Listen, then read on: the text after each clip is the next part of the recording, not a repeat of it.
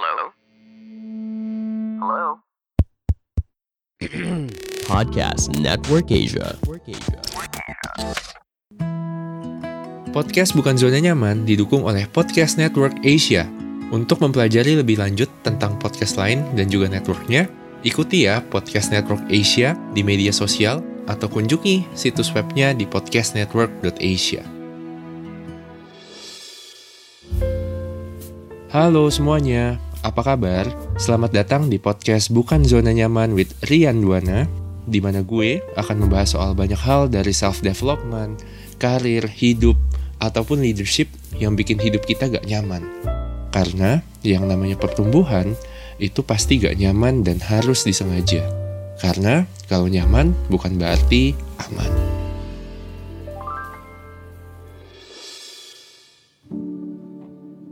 Hai, apa kabar? Kalau lagi nggak baik, juga nggak apa-apa kok. Tapi semoga setelah kamu mendengarkan podcast ini, kamu akan merasa lebih baik ya. Biar lebih baiknya jadi double, cobain deh mampir ke podcast NKCTRI. Di sana, aku bakal menemani hari-hari berat dan ringan kamu dengan berbagi banyak rahasia dan kebahagiaan secara singkat. Ditunggu ya. Wajar gak sih ketika kita menjalani apa pun yang kita suka, yang kita ngerasa kayak wow ini hal yang kayaknya gue suka banget, terus tiba-tiba kita ngerasa, Hah, kok gue bosen ya ngejalaninnya. Terus tiba-tiba kita bingung, kita hilang arah, kita ngerasa kok kayaknya ada yang salah ya. Tapi gue gak tahu nih gue salahnya apa. Pengen mulai hal yang baru, pengen nge-restart tapi gak tahu mulai dari mana. Mungkin untuk teman-teman yang mendengar podcast episode ini, gue juga pernah ngerasain hal yang sama. Waktu gue tuh sekitar umur 27 tahun. Ya, kata orang kan bilang itu waktunya quarter life crisis dimulai ya. Saat itu gue ngerasa kok kayaknya gue gak happy ya sama kerjaan gue. Gue tuh ngapain sih ngerjain kerjaan ini? Terus ujung-ujungnya karena kebanyakan mikir, gue jadinya bingung, kerja juga jadi gak produktif, dan lain sebagainya. Namanya juga lagi proses pencarian jati diri, ya pasti ada bingungnya lah ya, ada stucknya, dan itu manusiawi banget setelah gue pikir-pikir. Dan gue juga pernah bahas di salah satu episode gue yang judulnya Adulting Sucks. Banyak banget masa-masa yang udah gue lewatin dalam hidup gue.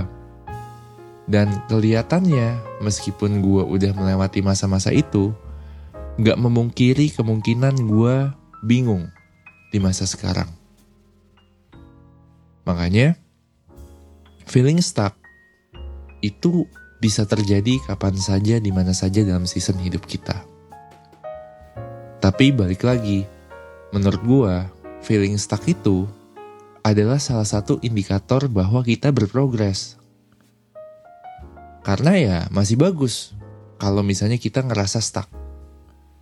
Yang jadi masalah kan kita nggak tahu kalau misalnya kita stuck. Iya kan? Kalau kita ngerasa stuck, setidaknya kita itu berprogres, melangkah dari satu titik ke titik lainnya. Tapi karena kita belum tahu nih cara buat ngehandle challenge di titik yang baru, ya kadang-kadang kita ngerasa stuck. Jadinya menurut gue stuck itu wajar. Nah, yang perlu kita perhatiin itu adalah bagaimana kita bisa menghadapi stuck tersebut.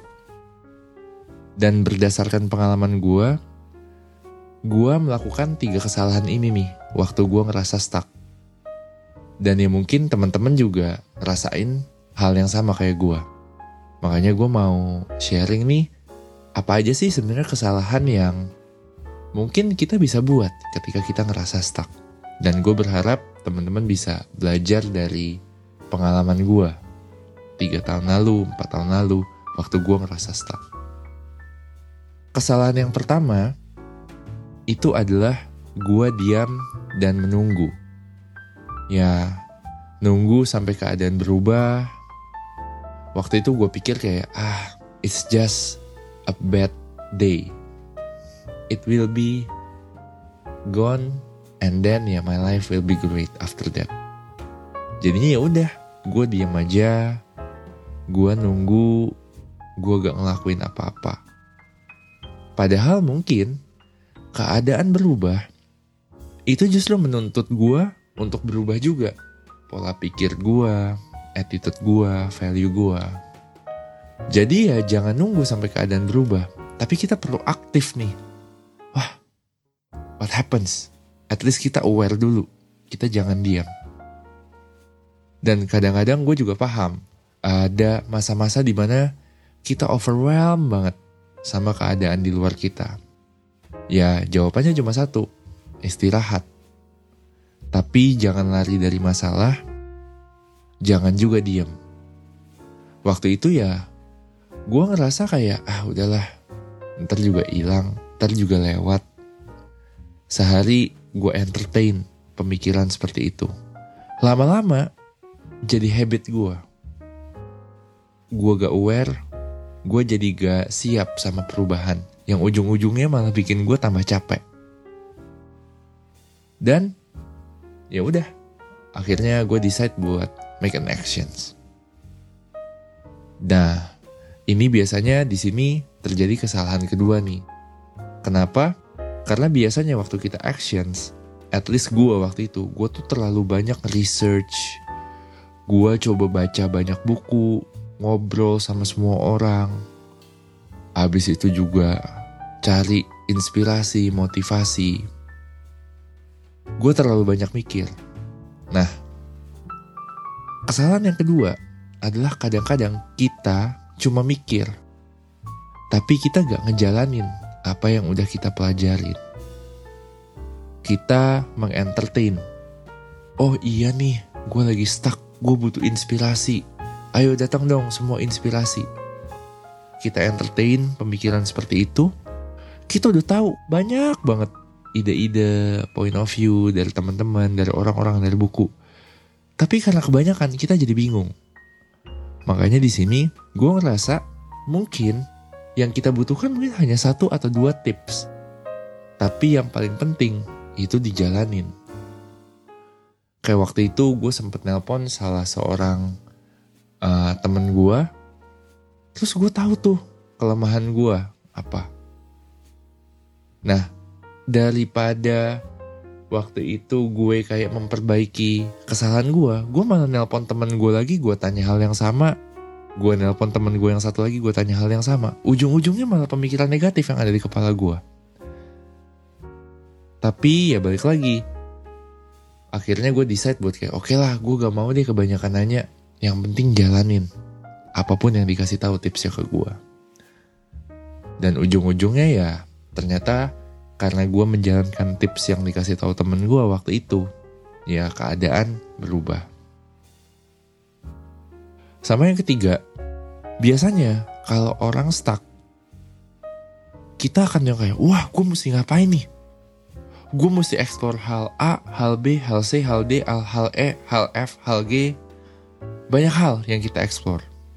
Tapi menurut gue, mungkin kita saat ngerasa stuck, kita harusnya bukan melakukan eksplorasi, tapi justru salah satu hal yang penting harus kita lakukan sebelum eksplorasi adalah mengeliminasi. Mengeliminasi apa? Mungkin kita melakukan 10 hal, tapi lima halnya ini kita gak suka. Ya udah, lima hal ini kita gak jangan lakuin. Waktunya buat decluttering, justru. Dan ketika kita udah membuang lima hal yang kita gak suka, kita jalani nih lima hal yang kita suka. Dari situ mungkin ya kita bisa semangat lagi, kita bisa ketemu hal-hal yang kita suka lainnya. Dan ya itu bisa membuat kita terinspirasi biar gak stuck. Dalam kasus gue waktu itu, gue ngerasa gue bosen. Buat gue kayak, aduh gue setiap hari bikin presentasi, present ke klien, presentasi present ke klien, idenya ditolak, revisi present lagi, dan gue ngerasa stuck. Dan waktu itu gue ngambil decisions buat gue mulai kayak eh gue mau deh pro bono ngajar mungkin di universitas di kampus di startup waktu itu ya awal-awalnya pro bono dulu lah nggak apa-apa dan lama-lama itu jadi hobi dan gue justru jadi ngerasa ke recharge kalau gue mengajar karena setidaknya gue merasa pengalaman yang udah gue lewatin itu berguna buat orang lain jadi kira-kira gitu sih perjalanan gue yang gue lewatin biar gue tuh gak ngerasa stuck. Gue belajar buat gue tuh gak diam menunggu keadaan berubah.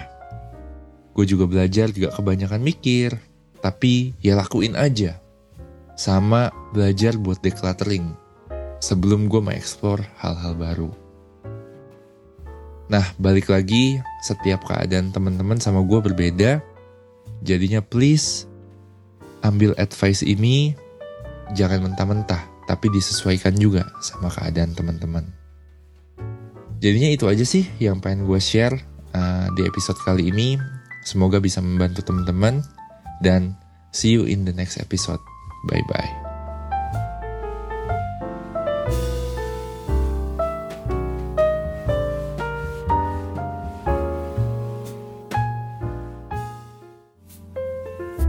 Buat kamu yang tertarik untuk keluar dari zona nyaman, tungguin ya episode baruku setiap hari Senin jam 8 malam. Atau bisa juga dengar episode-episode sebelumnya di podcast Bukan Zona Nyaman with Rian Duana dan Podcast Network Asia.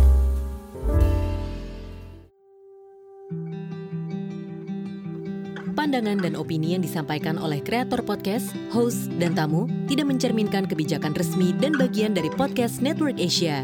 Setiap konten yang disampaikan mereka di dalam podcast adalah opini mereka sendiri dan tidak bermaksud untuk merugikan agama, grup etnik, perkumpulan, organisasi, perusahaan, perorangan, atau siapa pun dan apa pun.